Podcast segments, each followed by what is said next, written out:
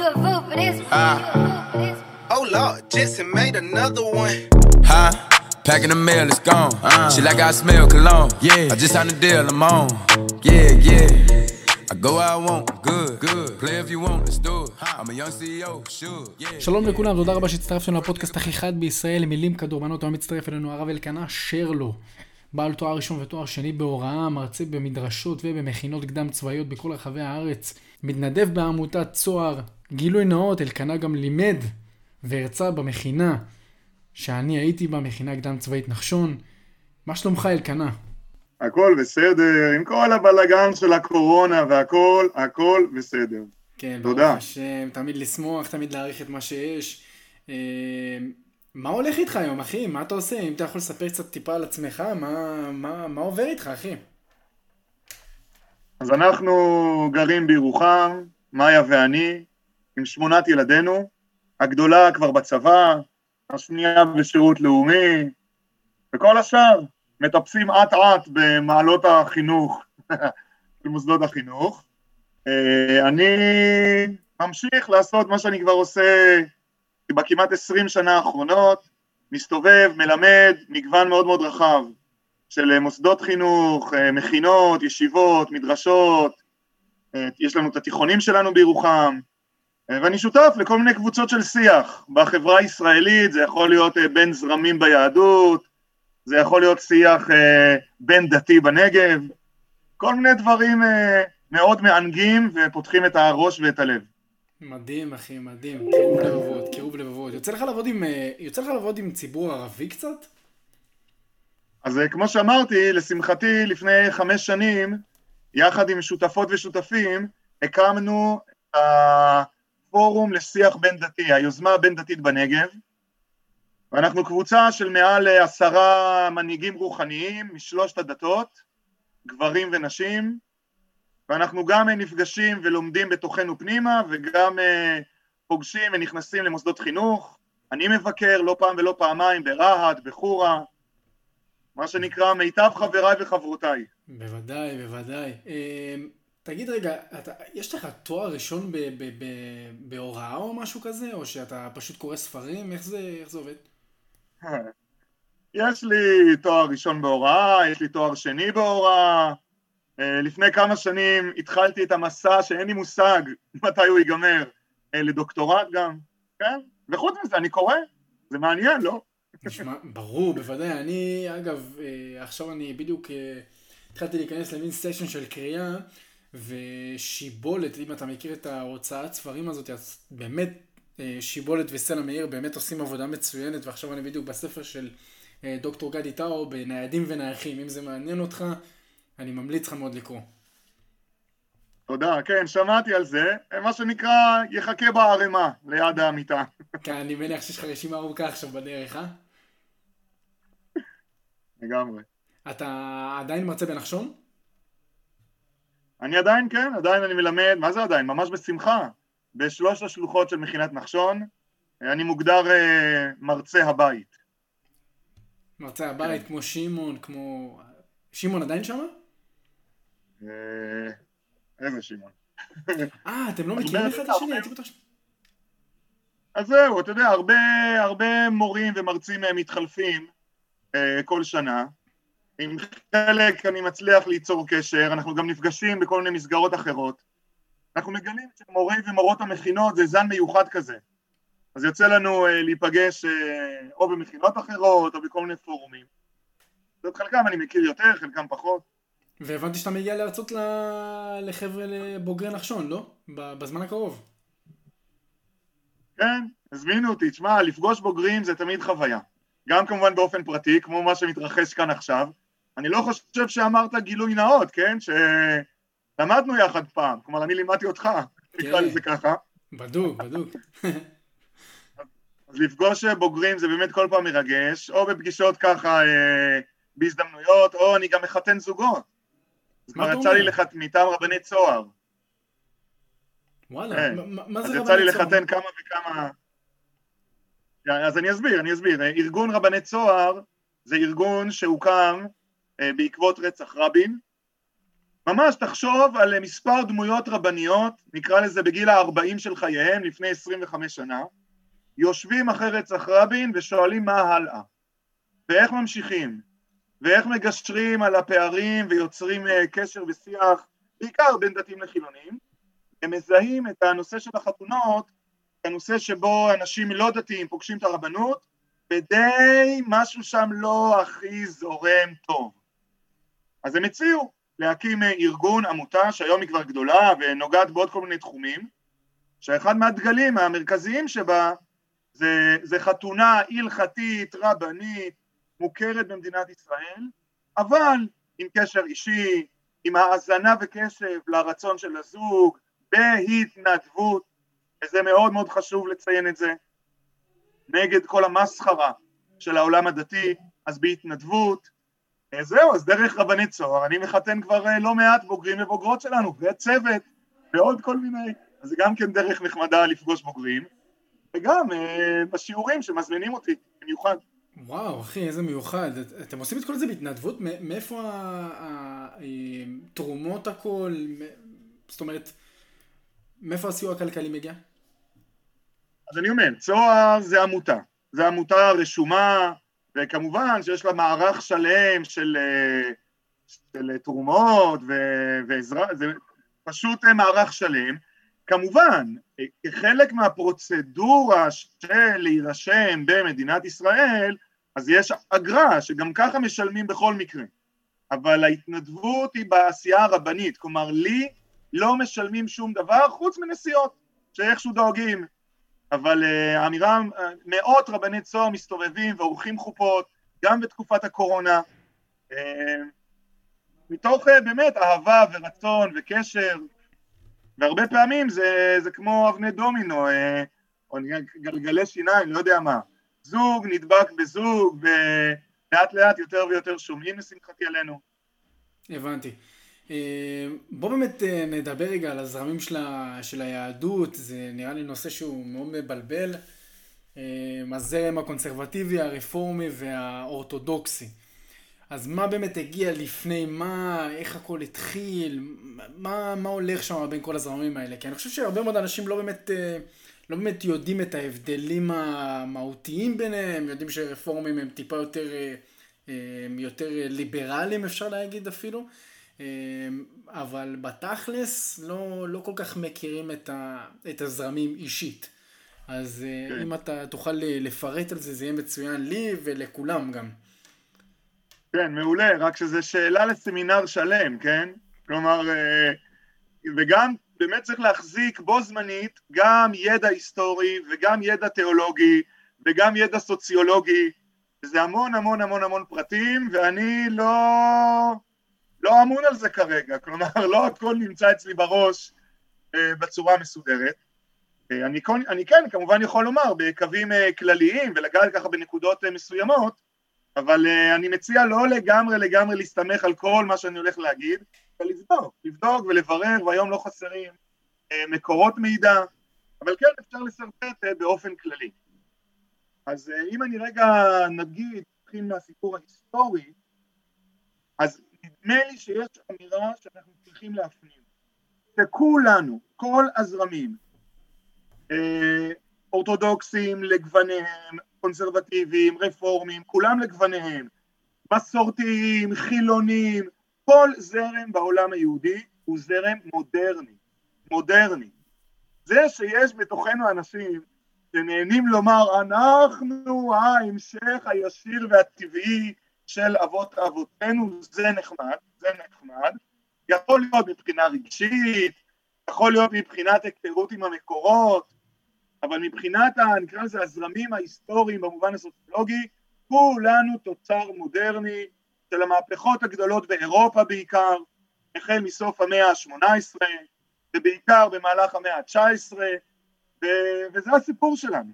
אז את זה קודם כל צריך לזכור, שיש פה עם יהודי שעובר מה שעובר ביציאה מימי הביניים ובכניסה לתקופה המודרנית ולתקופת, כן, אחרי הרנסאנס, והמהפכות הגדולות שהזכרתי, הדבר הזה מייצר חלוקות ותתי חלוקות בתוך העולם היהודי.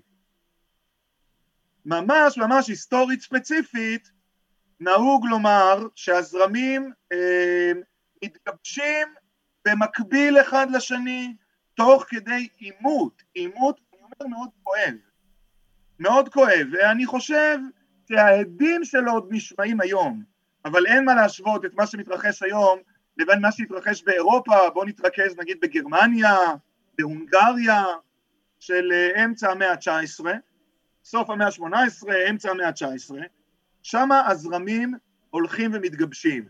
ותיקח בחשבון שבו זמנית כל זרם מגבש את עצמו מתוך עצמו ומתוך עימות, עימות עם הזרמים האחרים שהולכים ומתגבשים uh, תוך כדי. Uh, אם אנחנו מדברים על, uh, נקרא לזה נגיד על התנועה הרפורמית, כתנועה שמשמיעה קול מאוד מאוד מאוד ברור, שוב, החל מסוף המאה ה-18, במהלך תחילת המאה ה-19, ונגיד שנות ה-40 של המאה ה-19, הן נחשבות, אני חושב, השנים המרכזיות של הופעת העולם הרפורמי, אז מיד אתה תקבל תגובות נגד, גם של העולם הקונסרבטיבי, שאם נגיד העולם הרפורמי הלך רחוק מדי מבחינת הליברליות ומבחינת אה, החוסר מחויבות לפן ההלכתי, אז העולם הקונסרבטיבי צועד, צועד רגע צעד אחד אחורה, לכיוון השמרני יותר, ההלכתי יותר, כאשר במקביל העולם האורתודוקסי מגיב בצורה מאוד מאוד קשה, מאוד קשה ומאוד מרים גדרות ומחזק באופן מאוד מאוד חד את התפיסה האורתודוקסית שמיוחסת אה, לרב משה סופר, כן, חתם סופר בהונגריה עם המשפט חדש אסור מהתורה. חדש אסור מהתורה, שזה משפט שיש לו אה, היבטים פרשניים הלכתיים, אבל זה לא משנה כרגע. תחשוב מה זה אומר מבחינה סוציולוגית שאתה מכריז חדש אסור מהתורה. כל דבר חדש, כל דבר שנוגע במודרנה, אסור מהתורה. אז אתה מבין איך חומות מתחילות אה, ממש לקבוע בין הזרמים השונים. אז זה הסיפור, זה הסיפור ממש ככה על רגל אחת אה, של העולם. אם אני רגע אגע מבחינה תיאולוגית, אז בעוד העולם האורתודוקסי מרים דגל של מחויבות להלכה ואמונה באלוהים ומחויבות לתורה מן השמיים, אני חושב שזה אולי הדגל המרכזי שמפריד בין הזרמים, כן? התורה, התורה שבכתב והתורה שבעל פה והמסורת ההלכתית זה איזשהו רצף אחד שמתחיל בהר סיני ועובר דרך עולמי אה, המדרש עד אלינו. יש לדבר הזה מחויבות, מחויבות פרטית ומחויבות קהילתית. אז העולם הרפורמי יגיד שסימן שאלה מאוד גדול, אם לא יותר מזה, על המושג תורה מן השמיים. וגם העולם הקונסרבטיבי יגיד, בלי לנסח את זה יותר מדי, שהעולם ההלכתי תלוי בקהילה, תלוי בקבלה של אה, החברה, ממילא זה דורש אה, ביקורת, דורש אה, תשומת לב לשינויים, העולם האורתודוקסי יגיד, נגיד חדש אסור מהתורה והנחת היסוד היא קודם כל אין שינויים, זה המסורת, התורה לא מתחלפת. וככה אנחנו נכנסים לאיזה פינג פונג באמת מאוד ארוך, כבר כמה 200, יותר מ-200 שנה של דיונים על הסוגיה הזאת, שוב בגלל ההקשר המודרני, בגלל המהפכות הלאומיות, בגלל המהפכה המודרנית, כמובן השכלה, הנאורות וגם הציונות שהיא תצטרף באיזשהו שלב לקלחת הגדולה הזאת. עכשיו, אמ, אנחנו שומעים כל הזמן את המושגים תורה שבעל פה, תורה שבכתב, מה, מה זה אומר בעצם תורה שבכתב, תורה שבעל פה? אוקיי, אז uh, אני מדבר בתור uh, מי שמשתייך גם uh, רעיונית וגם הלכתית וגם סוציולוגית לחברה הדתית ציונית, שהיא ביטוי מסוים של העולם האורתודוקסי, אבל לא העולם האורתודוקסי שצועק חדש אסור מהתורה. אם תרצה על זה נדבר בהמשך. אבל מהנקודה הזאת מקובל אצלנו לומר שהתורה שבכתב זה הכינוי לחמשת חומשי תורה, בראשית, שמות, ויקרא, במדבר דברים, שניתנו למשה רבנו מאת הקדוש ברוך הוא, החל מההתגלות הגדולה בהר סיני, וככה בהמשך המסעות במדבר עד סוף חייו של משה רבנו בעצם, עד סוף uh, התורה. זהו, ויש לנו חמישה חומשים שהם קודש וניתנו מהשמיים למשה רבנו. התורה שבעל פה זה בעצם כינוי לכמה, אה, נקרא לזה מישורים או מרחבים של פרשנות. קודם כל השם, תורה שבעל פה. כלומר דבר שהתחיל כמשהו ורבלי, לא משהו שכותבים אותו. חלקים מהתורה שבעל פה ניתנו יחד עם התורה שבכתב. זאת אומרת האמונה היא שמשה רבנו מקבל גם משהו כתוב וגם משהו שמסור בעל פה וממשיך הלאה מדור לדור. חלק, או ביטוי נוסף לתורה שבעל פה זה הלימוד שחכמי הדורות שבו נתרכז בעיקר בתקופת המשנה והתלמוד, כן, נקרא לזה מהמאה הראשונה עד המאה החמישית, שישית אה, לספירה, החכמי אה, המשנה והתלמוד דנים ועוסקים ומפרשים ומרחיבים את התורה שבכתב על ידי כללים שניתנו בתורה שבעל פה ובעצם מקבל פה המושג תורה שבעל פה מקבל פה אה, מרחב מאוד רחב של פירושי חכמים לגווניהם שבאים לידי ביטוי במשנה ובתלמוד והדבר הזה ממשיך הלאה במסורת הדורות אבל כבר הכל כתוב הבנתי. זאת אומרת נהוג לומר שעד המשנה התורה שבעל פה באמת הייתה בעל פה ובמאה השלישית לספירה היא עולה על הכתב בתור משנה, אותו לקט של ההלכות, נקרא לזה הנהוגות אה, בעולם שומר ההלכה של אז, וככה זה ממשיך הלאה, להיכתב ולהתפרש ולהתרחב ולהיכתב ולהתפרש ולהתרחב, כמובן כולל מחלוקות ודיונים. זאת אומרת שאם הייתי משייך, בוא, בוא, בוא נספר רגע איזשהו סיפור, משה נמצא על הר סיני, אה, מקבל את התורה, אה, יש שם אה, את התורה שבכתב, שזה באמת, אם אני מצליח להבין אותך נכון, עשרת הדיברות. אבל לא רק, לא רק עשרת תורה, וחמישה חומשי תורה. כל מה שכלול בחמשת חומשי תורה. אבל את זה, אבל בנוסף לשני הדברים האלה, לשני המסמכים כביכול הפיזיים האלה, הוא מקבל גם איזושהי תורה שבעל פה, שבזה כביכול יותר הדתיים הלאומיים מאמינים. זה יותר התחברות של הדתיים הלאומיים? הדתיים, כל מי ששוב סוציולוגית יגדיר את עצמו אורתודוקסי, אוקיי? אז אני חושב שזו המחויבות להתגלות גם של התורה שבכתב וגם להתגלות שמעבירה את התורה שבעל פה.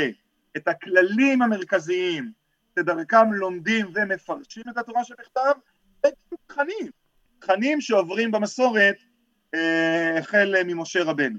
זאת אומרת... אה, גם רגע, רגע, רק אני אגיד, גם אנשים בעולם הקונסרבטיבי מקבלים, חלק מהם מקבלים את מושג ההתגלות בתורה שבעל פה, אבל זה מאוד מאוד נוכח הרבה יותר בעולם האורתודוקסי, גם הדתי-לאומי ובוודאי החרדי, האולטרה אורתודוקסי. הבנתי, זאת אומרת... גם המחויבות. שגם חרדים וגם דתיים לאומיים הם אורתודוקסים? כהגדרה סוציולוגית כן. כלומר, אתה מבין שאנחנו מדברים פה... מה, מה? כהגדרה סוציולוגית. כן, כי אתה מבין שאנחנו מדברים פה על מרחבים, על רצף, זאת אומרת, ואתה בוחן פה גם אנשים פרטיים, אבל גם קהילות, וגם תפיסה ציבורית. אז בחלוקה הגסה נהוג לומר שגם הדתיים הלאומיים, שהם בעצמם הרי היום מחולקים לפלגים ותתי פלגים, ונמצאים באיזשהו רצף מטורף של בין אה, אולטרה שמרנים וחרד"לים לעולם ליברלי, אוקיי? אז, אה, אז אתה יודע, זה לפעמים מאוד מאוד קשה לשים את האצבע על הרצף הזה, אבל בגדול זו הטענה, שהעולם הדתי מחויב ההלכה, מחויב להלכה בשל האמונה בתורה שמן השמיים, תורה שבכתב ותורה שבעל פה על ההיבטים שהזכרתי קודם. והתפקיד של התורה שבעל פה זה בעצם כל הזמן להתחדש עם המודרנה? היי, זה הערה ממש ממש חכמה. אני כמעט הייתי אומר שאי אפשר לדמיין את התורה שבעל פה בלי המתח הקבוע בין מה נצחי ולא משתנה ומה הדבר שמשתנה וחייב להשתנות. כמעט הייתי אומר לך שאין זרם שלא יגיד את זה על עצמו, אתה מבין? כלומר, קח את הזרם הכי ליברלי וקח את הזרם הכי שמרני, גם הוא וגם הוא יטענו שהם נמצאים במתח הזה שבין מה קבוע ולא משתנה צריך לעבור מדור לדור as is ומה הדבר שחייב להשתנות בגלל המציאות המשתנה שנקרא לה היום המציאות המודרנית. אבל אתה מבין שכל זרם יחליט אחרת ויקבע אחרת ויגיד הנה זה דבר שאמור להשתנות וזה דבר שלא אמור להשתנות או המשקל שהוא ייתן, כן? איזה משקל ייתנו בכל זרם למרכיב של השינוי, כמה השינוי משמעותי, כמה הוא בעצם עיקר העיסוק. האם העיקר העיסוק החינוכי והלימודי זה בלשמר, זה בלדעת מה אמרו הראשונים בדורות הקודמים, או עיקר העיסוק זה רגע, מה זה רלוונטי לעכשיו, מה, מה זה נוגע לעכשיו, כולל השינויים שקשורים, אבל לדעתי כל זרם יגדיר את עצמו כנמצא באיזשהו איזון, או הוא מחפש את האיזון בין הדבר הנמסר והקבוע לדבר המשתנה והמתחדש. זה קצת מהכאב ראש שיש בין הזרמים. כלומר, אם כולנו מסכימים על הרעיון הזה, אז מה זה, ה... למה השיגעונות הגדולים? למה ההבדלים הגדולים? זה ממש כאב ראש. הבנתי. יש את ה... נראה לי שאחד הדיונים, ה... לפחות כ... אני כבן אדם שהוא בין החילוני למסורתי, נקרא לזה, איפשהו שם בין ה... בציר הזה. אה, תמיד, תמיד ענייתי לדעת, בנושא ספציפי מאוד, אם להיות מאוד ספציפי, אה, לגבי העניין של מעלית שבת. איך זה בעצם עובד ש... שמעלית שבת זה, זה כן אה, בסדר ו... ולא יודע, ומעלית רגילה לא? איך זה בעצם עובד? מה, מה המנגנון פה? זה, זה מדהים, אתה יודע, מכל השאלות שיש בעולם, דווקא מעלית שבת. אז אני אגיד לך, מעלית שבת. לא, בכיף, בכיף. אתה יודע איך זה, זה כמו, תחשוב על מין אה, כדור צמר כזה סבוך, ואתה פשוט צריך לתפוס איזה חוט אחד ולהתחיל להתגלגל ממנו. אז מעלית שבת זה אחלה. אז מעלית שבת, קח בחשבון כמה דברים שיש כאן. קודם כל, אה, מודרנה. פתאום יש בתים שבנויים לגובה. נכון? כן. זה איזשהו שינוי פיזי שמתרחש עכשיו, אז מה תגיד? אנשים דתיים לא יכולים לגור ברבי קומות? אז זה סיפור אחד. סיפור שני, שאי אפשר להתעלם גם ממנו, זה המושג של הנוחות בחיים. נוחות, זה מושג שהלך ונכנס לעולם שלנו. אז שוב, מאוד קל להתעלם. אתה יכול להגיד, לא, אז אני דורש ממך חיים לא נוחים, אבל דבר שלא מתעלמים ממנו. דבר שלישי, אתה נכנס עמוק עמוק עכשיו לתוך הלכות שבת. מה האיסור בדיוק של חשמל בשבת, ולמה כן אנשים דתיים יכולים להשתמש בחשמל בשבת בדרכים, אה, נקרא לזה, עוקפות איסורי הלכה, אז אם אני יכול לעשות את זה, נגיד שעון שבת בנוגע לאור, אני מדבר שוב מהזווית האורתודוקסית, ולגבי פלטה ולגבי מזגן, האם אפשר לייצר מנגנון שהוא נקרא גרמה, כלומר זה לא אתה עושה את זה, זה כמו השעון שבת, זה משהו שגורם לפעולה להתרחש. אז זה עוד דיון, עד כמה אדם יכול ללכת עם הגרמה, עד כמה באמת אתה בתור ההוא שנכנס למעלית משפיע על המנגנון של הלכות שבת, אוקיי? זאת אומרת, יש פה מרכיבים שונים שמצטרפים, ולכן אתה תמצא במקומות הדתיים, שוב, שומרי ההלכה, מתחשבים בכך שאנשים גרים בבתים אה, בבניין גבוה, מתחשבים בנוחות, בצורך של בני אדם בנוחות, וזה בסדר שיש נוחות, בשיקולים הלכתיים שמאפשרים שימוש במעלית שבת, המסקנה תהיה אפשר להשתמש במעלית שבת. אתה תמצא מקומות שמרניים יותר, ותזכור שהשמרנות היא גם מבחינת ההלכה וגם מבחינת אה, מסורת אבות, ואיך זה נראה שאדם דתי נכנס למעלית שבת.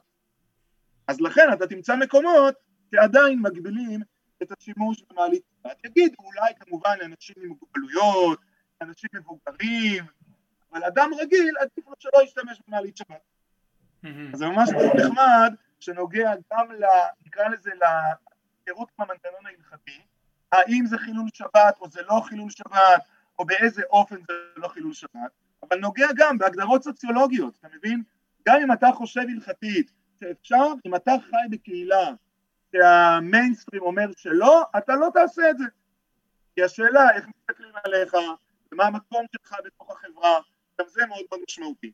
אבל אני חושב שבאופן כללי, העולם הדתי-לאומי, בכלל אני אומר, משתמש במעלית טבעת, אה, וגם חלקים גדולים בעולם החרדי.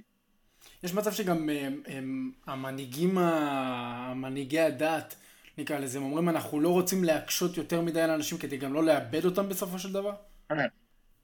תשמע, הלוואי, הלוואי. אתה ממש, שוב, אתה נגעת פה ממש בשאלות שהן כאילו מתחת לפני השטח.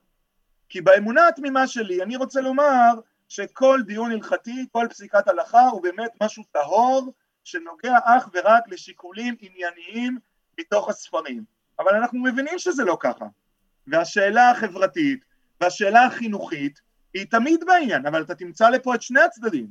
כלומר, אתה תמצא את הצד שאומר שעדיף להחמיר ועדיף לשים גבולות וסייגים כדי שהעסק לא יידרדר ולא יתחלן, אוקיי? אבל בו זמנית אתה תמצא את האמירה שתגיד, עדיף דווקא להקל ולאפשר כדי שאנשים לא יזרקו לגמרי. אז, אז אתה מבין, אתה ממש תמצא את הדיון ההלכתי הזה כל הזמן, כל הזמן. האם אה, הקפדה הלכתית, אוקיי, תביא דווקא לחיזוק המחויבות, או תביא דווקא לזריקה? ומנהיגים רבניים שונים, מנהיגים רוחניים שונים, עובדים בצורות שונות.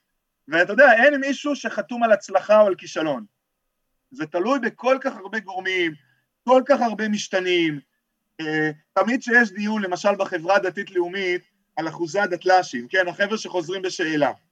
אז תמיד יהיה דיון, האם זה בגלל הצד הליברלי יותר, הנה תראו, אתם ליברליים, אתם מקלים, אתם מאפשרים, אז תראו מה קרה לנוער שלכם. או שזה בדיוק הפוך, זה ביקורת על הצד השמרני יותר, תראו, המועקות שאתם יוצרים, החנק שאתם גורמים, הם אלה, זה שאתם לא מאפשרים לאנשים לחיות בצורה יותר משוחררת, תראו לאן זה מביא אותם.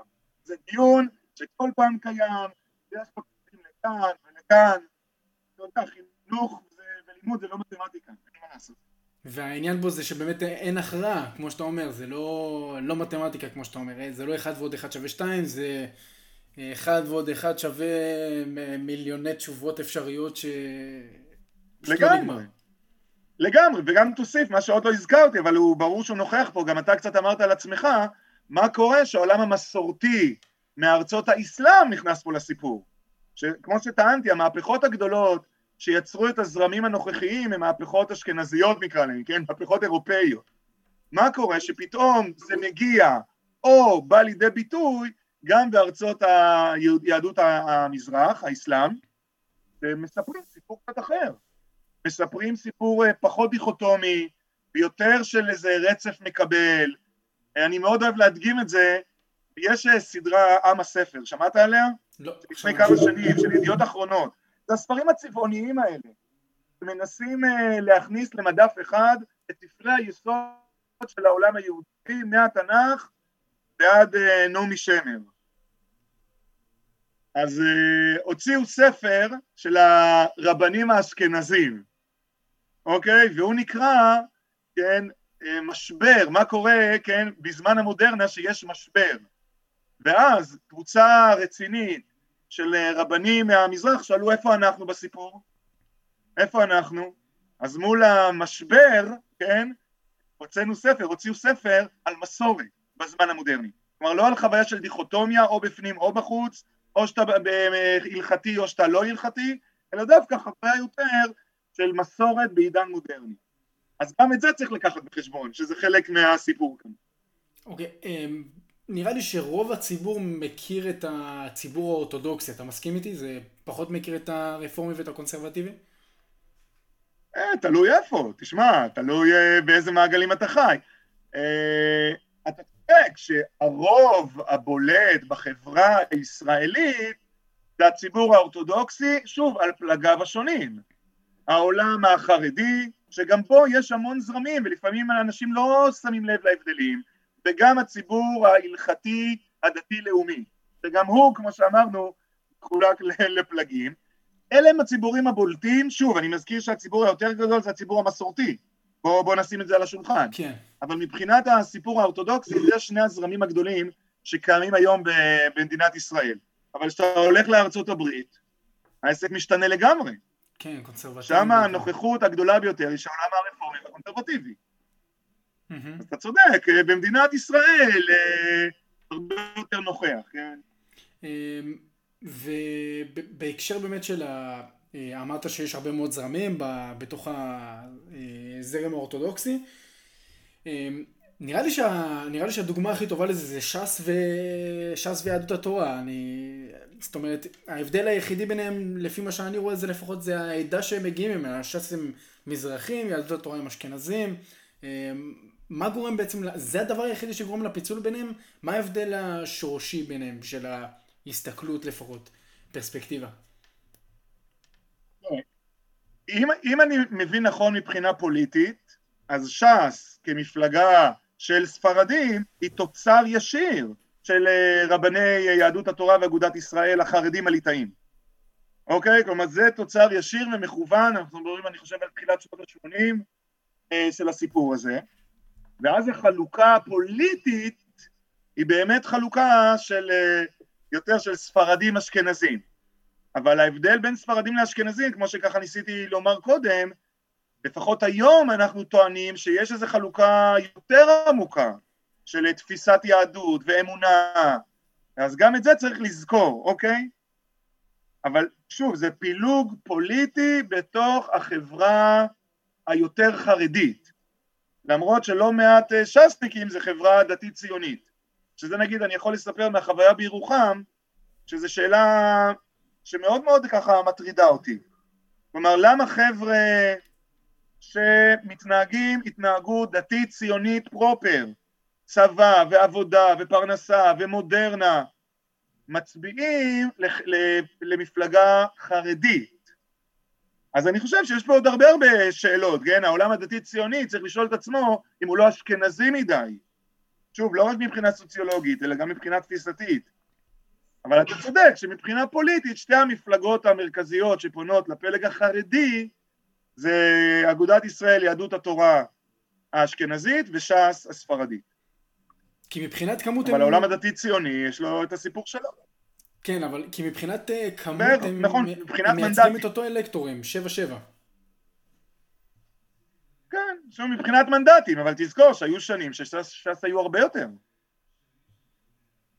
אה, זאת אומרת אני חושב בשונה מיהדות התורה, שוב, אני לא איזה מומחה גדול פוליטית. לא, אני, אני לא מומחה גדול פוליטית, אבל ממה שאני מבין, ת, ת, תתקן אותי אתה. ש"ס היא פתוחה לא רק לסיפור, ה, לציבור החרדי הספרדי, ולכן יש uh, תקופות, יש, היו בחירות, הם הצליחו הרבה יותר. וואלה, העולם אני לא- החרדי האשכנזי הוא, אני חושב, אלקטורל מוגבל. והאם הציבור הדתי הלאומי הוא יותר אה, אשכנזי? זאת אומרת, ומה גרם לזה? בוא, אז גם פה, בואו ננסה רגע להפריד בין היסטוריה לבין תיאולוגיה. צריך לזכור שעד השואה, בסדר? מה היו? אתה יודע מה היו היחסים בין יהודים, נקרא לזה אשכנזים ליהודים ספרדים? אה, מבחינת, אני- יש לך מושג? נטו מבחינת עדה אני יודע, אני לא... ומיקום גיאוגרפי. לא, לא, תגיד לי אחוזים בעם היהודי, כמה אחוזים בעם היהודי ספרדים, כמה אחוזים אשכנזים. אני, אז מה שאני קראתי, בסדר? אני תגיד. מניח שאולי היו יותר... אה, אני מנסה לחשוב על זה, אני מניח שהיו יותר אולי אשכנזים? ממה שאני זורק? לא יודע, מרגיש לי. מה זה יותר? מה זה יותר? אם אני, אחד המאמרים האחרונים שקראתי בעניין, 90-10. 90 90 אחוז יהודים מארצות אשכנז, עשרה, 90-10. השואה והקמת מדינת ישראל ותהליכים שעוברים על היהדות בעיקר בארצות הברית, אני חושב מביאים אותנו היום לפחות במדינת ישראל ל-50-50. אוקיי? אז זה הסיפור הספרדי אשכנזי בגדול. התנועה הדתית-לאומית, הדתית-ציונית, כמו שאר התנועות הדתיות והציוניות, קודם כל התפתחה באירופה. קודם כל התפתחה באירופה. ולכן היא תנועה שהתחילה כתנועה אשכנזית גם היסטורית וגם נקרא לזה הדמויות המרכזיות. לשמחתי הרבה אנחנו נמצאים היום בשלב של תיקון היסטורי גם מבחינת המבט וגם מבחינת המעשה של אה, אל תסתכלו רק על, רק על העולם האשכנזי כעולם דתי ציוני. מה המקום של רבני ארצות האסלאם שמבחינה תיאולוגית הרבה יותר אה, קשורים לעולם הדתי ציוני, לחיבור של מודרנה ומסורת ואני חושב, אני אומר לשמחתי, זה עוד לא לגמרי פתור, אבל לשמחתי הרבה הרבה הרבה מהעולם הציוני דתי שם לב לסוגיה הזאת ומנסה לתקן. לפעמים זה too late, כן, אבל, אה, או too, איך אומרים, מעט מדי, מאוחר מדי, אבל ממש מנסים לעשות תיקון. זה יכול להיות לבוא לידי ביטוי אה, פעם, נגיד לפני עשרות שנים, שהיית נגיד חניך בתנועה דתית ציונית, היית מקבל סידור רק בנוסח אשכנזי. כלומר, התעמל, התעלמות מוחלטת. לשמחתנו היום, זה לא ככה. איזה רבנים לומדים עליהם? אה, כל שנה בחינוך הדתי יש דמויות מופת. אז יש דמויות מופת מהעולם הספרדי, יש דמויות מופת מהעולם האשכנזי, זה גם מתחיל להיות דמויות מופת גברים ודמויות מופת נשים. זאת אומרת, לאט לאט העולם הדתי-ציוני החינוכי, הרבני, שם לב לדבר הזה וממש מנסה לתקן את העניין. הבנתי. אה, הרב קוק הוא היה מזרחי או אשכנזי? הרב קוק, הרב קוק, היסודות שלו זה יסודות אשכנזים, הוא מגיע ממזרח אירופה. אז מה תגיד עליו? כלומר, הוא אשכנזי, אבל הוא ממזרח אירופה. בסדר? הוא מגיע מליטא, אבל בוודאי שהוא מביא בעיקר בעיקר אה, את העולם האשכנזי, למרות שלרב קוק יש מאמר שהוא כבר כותב בתחילת המאה הקודמת לשני בתי ישראל, את הצורך בחיבור, אה, קודם כל הוא מאפיין מה זה תורה של עולם ספרדי ותורה של עולם אשכנזי, וקורא לחיבור ביניהם. אז זה איזשהו ניצוץ. הקשרים שהוא יצר עם הרב יעקב מאיר, הראשון לציון בתקופתו, כן, הרב הראשי, ועם הרב עוזיאל, שהוא הרב הספרדי הראשון של מדינת ישראל, זה קשרים מאוד מאוד אה, חשובים וטובים. אבל הרב קוק היה אשכנזי.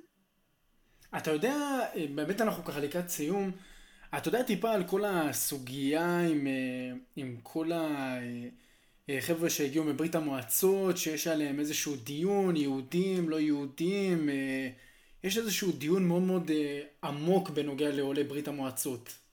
יש לך ידע על זה? כן.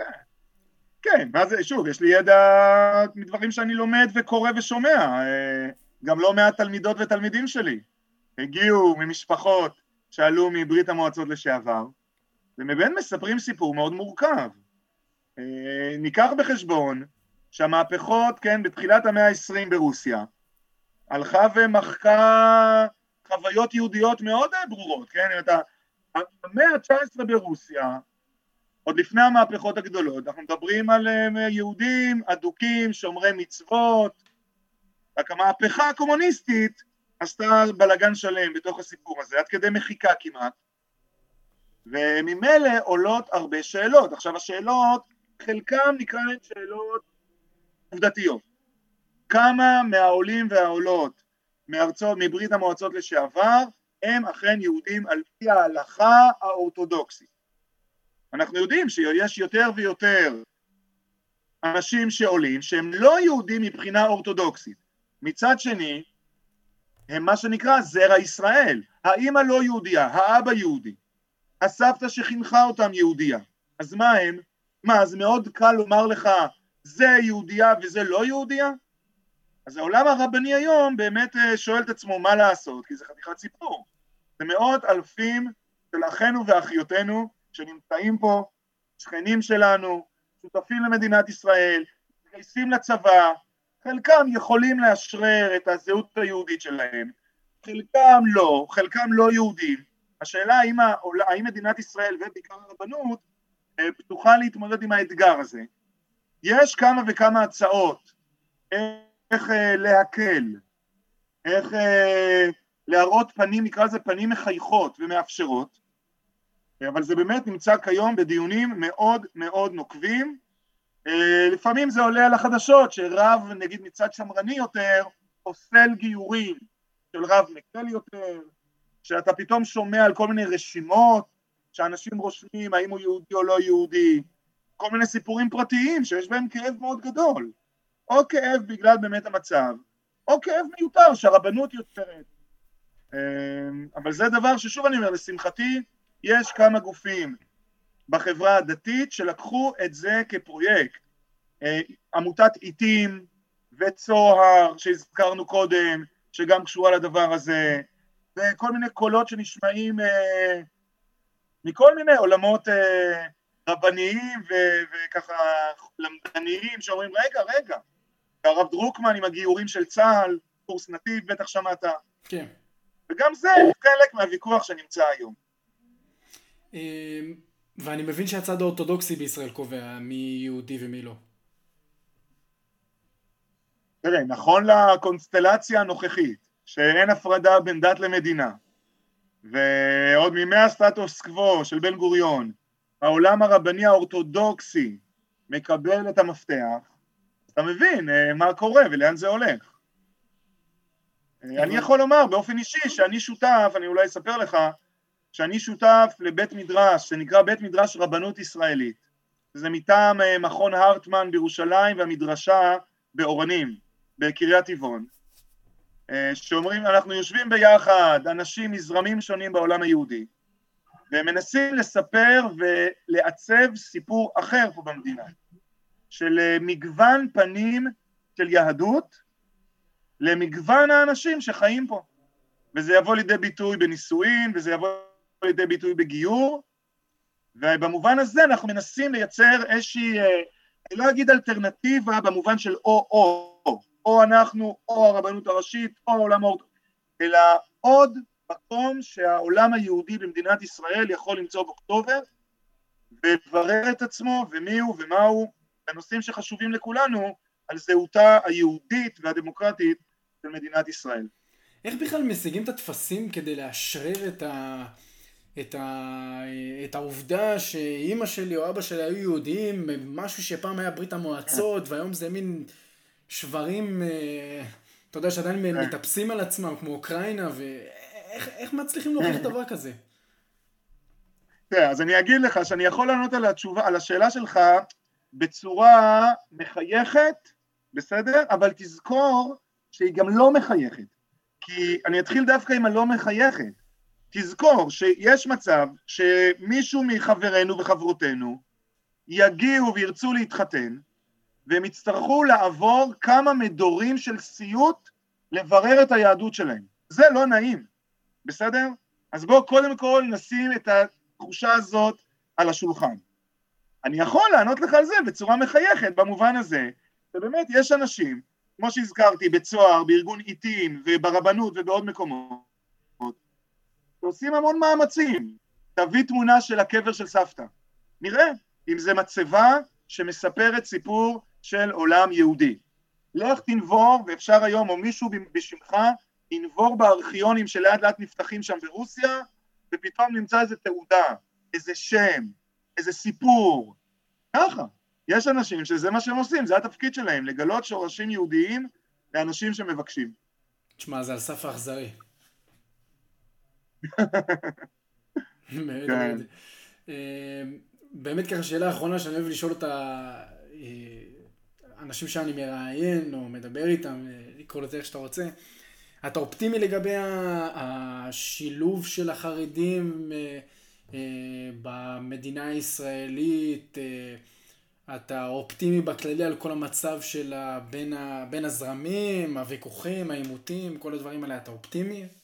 אני יודע שאתה בן אדם, אני מכיר אותך כבן אדם אופטימי מאוד מטבעך, אבל, אבל השאלה אם אתה באמת אופטימי כן. בנושא הזה, רואה את זה נגמר. כן, אני רוצה, אני, אני רוצה להיות אופטימי, אבל עם עיניים פתוחות, בסדר? כי מאוד קל לי להגיד לך דברים מאוד ורודים, אבל אני רוצה להיות אופטימי עם עיניים פתוחות, אבל לא להסתפק באופטימי ועיניים פתוחות, אלא גם להיות שותף לאנשים שעושים על, בשביל הדבר הזה משהו. אז אני אזכיר כאן אה, משל מאוד מפורסם, שהרבה מאיתנו למדו אותו מבמבי שלג, זיכרונה לברכה. אה, הייתה אשתו של יאיר שלג, שאתה ראיינת גם, אחד הפודקאסטים הכי מעניינים ששמעתי אצלך, ארוכים ומעניינים. אז היא לימדה אותנו את משל הפיצה. שמעת פעם על משל הפיצה? משל הפיצה לא. כן, תחשוב על המגזרים והזרמים והקבוצות השונות בחברה הישראלית, כמו מגש פיצה. כל אחד חי במגזר שלו, במשולש שלו, בסדר? אתה במשולש שלך, תגדיר אותו איך שאתה רוצה, אני במשולש שלי, ההיא במשולש שלה, ולכל משולש פיצה יש את החלק השפיץ, כן? את המקום הטעים עם הגבינה הרכה והכל, ויש את החלק הקשה. לכל מגזר יש את המקום הרך ואת המקום הקשה. אני רוצה, וככה היא אמרה, ככל שנהיה אנשים יותר במקום הרך, אז אני אהיה חבר וקרוב למקום הרך של המגזר השני. אנחנו לא באותו מגזר, אבל אני קרוב אליו, כי אנחנו במרכז של הפיצה. והוויכוח שיש בין הרך של הפיצה לקשה של הפיצה של אותו מגזר, הוא ויכוח מאוד נוקב. אבל ברגע ששפיצי כל הפיצה יתאחדו, אוקיי? ונצליח לייצר כאן מרכז שהולך ומתרחב ונותן מקום, אז אה, זה הדרך שלי להיות אופטימי. ובעולם החרדי יש דמויות שנמצאות במרכז של הפיצה. אני חושב שהם לא הרבנים המובילים, ולכן אתה פחות שומע עליהם. אתה בעיקר שומע על אלה שמספרים את הסיפור הקשה, אה, כמו בכל מגזר. אבל גם בעולם החרדי, וגם בעולם הדתי-לאומי, וגם בעולם החילוני, וגם בעולם המסורתי, וגם באיזה עולם שאתה לא רוצה, יש יותר, לדעתי, יותר ויותר אנשים שנמצאים במרכז של הפיצה ורוצים לעבוד יחד. זה עוד לא לגמרי בא לידי ביטוי פוליטי, למרות שאנחנו כל הזמן מכוונים לשם. יש כמה דמויות פוליטיות שממש רואות את עצמן ופועלות כחלק מהמרכז של הפיצה ממפלגות שונות, אבל זה המון המון דברים שקורים במרחב נקרא של ההתחדשות היהודית, של עולם המכינות, עולם בתי המדרש המשלבים, שם מתרחשים אני חושב הדברים היפים שבאמת יכולים, גורמים לי להיות אופטימי ולקחת חלק בדבר הזה. אז אה, שאלה אחרונה לפני שאנחנו מסיימים, ואגב המשל היה נחמד ו... ומעניין מאוד, האנלוגיה מאוד מעניינת. לא שלי. לא תיקח עליה קרדיט. לא תיקח עליו קרדיט. באמת ככה, אתה, אתה בן אדם שראית הרבה, אתה בן אדם שראית הרבה, זאת אומרת, יש הרבה אנשים שהם נמצאים במוקד, ה, במוקד השיח הציבורי והכל, אבל אפשר להגיד שהם לא ראו את מדינת ישראל, את רבדיה, אה, כמו שאתה ראית, ערבים וחרדים וחילונים ומסורתיים, ובאמת בכל מקום אתה היית. אה, חשבת אולי לכתוב איזשהו, ובאמת אני שואל את זה, חשבת אולי לכתוב איזשהו ספר, איזשהו משהו שככה אה, באמת יישאר כאן, אתה יודע, בסופו של דבר, שיחה כזאת, נגיד, אחת, הסיבות שאני פתחתי פודקאסט, זה באמת הדבר הזה הולך להישאר, למי שירצה להשתמש בזה. זה תמיד יישאר, ספר תמיד נשאר, הוא רוגד את הדעות שלך, הוא רוקם אותם, הוא יוצר מזה משהו פיזי שאפשר אה, תמיד לקחת ממנו השראה בכל שלב. אז באמת רציתי לדעת אם ככה, אתה, יש לך איזשהו כיוון ל... למקום הזה? אז קודם כל, קודם כל אני אגיד לך שמישהו באמת לאחרונה שיתפתי אותו במחשבות שלי לכתוב ספר, הוא אמר עזוב, היום זה פודקאסטים. אז יש לי תכנון מתישהו באמת לייצר פודקאסטים, כמו שאתה אמרת. יש לי תכנון, כמו אני מתאר לעצמי להרבה אנשים טובים שחושבים ככה על דברים שקורים, אה, אבל אני כרגע באמת, אני ככה אומר לעצמי, אני כרגע באמת עסוק בתורה שבעל פה. זאת אומרת, אני אומר לשמחתי, כמות השיעורים והאנשים שאני נפגש איתם כל שבוע, צעירים ומבוגרים וזרמים שונים, וכרגע זה הדבר המרכזי שמחיה אותי, אה, אבל אה, עוד חזון למועד. אני גם שמח לומר שנכתבים לא מעט ספרים על המציאות של ההתחדשות היהודית במדינת ישראל, רק בשנים האחרונות, אני חושב שיש לי מדף שלם לספרים שנכתבים מזוויות שונות, אז אני קודם כל מאוד שמח לקרוא אותם ולבדוק את ההתאמה שלהם באמת לשטח. ויאללה, אני מקווה מתישהו, אתה יודע. היית ממליץ על איזה שני ספרים? מה זה, מה זה? איזה שני ספרים היית ממליץ עליהם? תראה, יש אה, ספר של אה, ככה, מיכה גודמן, חזרה ללא תשובה, וספר של יואב סורק על הברית הישראלית, וספר של דוקטור אריאל פיקר, וממש, אני, כאילו אני יכול להסתכל פה רגע הצידה על הארון ופשוט לשלוף לך ספר, ספר, שכולם מנסים לפענח אה, לפענח את הסיפור, של דוקטור שילה, אלחנן שילה, ממש. חלק נכתבים מזווית דתית, חלק חילונית, חלק מזווית של, אה, של עולם ההתחדשות היהודית, ובאמת מנסים, אני חושב, במילים שלי, לתת מקום מאוד משמעותי ל, לישראליות, ליהוד, ליהדות הישראלית ההולכת ומתחדשת, אתה יודע, בשלושים שנה האחרונות, משהו כזה. אז אה, אלקנה שרלו, תודה רבה שהצטרפת, אחי. מעולה, מעולה. יאללה, להתראות, חבר, תמשיך לעשות שמח ולהביא להתראות, שבוע טוב. שבוע טוב. I got this knot inside my throat, call my vodka with vodka. And I'm a suicidal, I just drank to forget my problem. Seems like the kids these days are all just looking to get high, yo I'm just the same many things I won't tell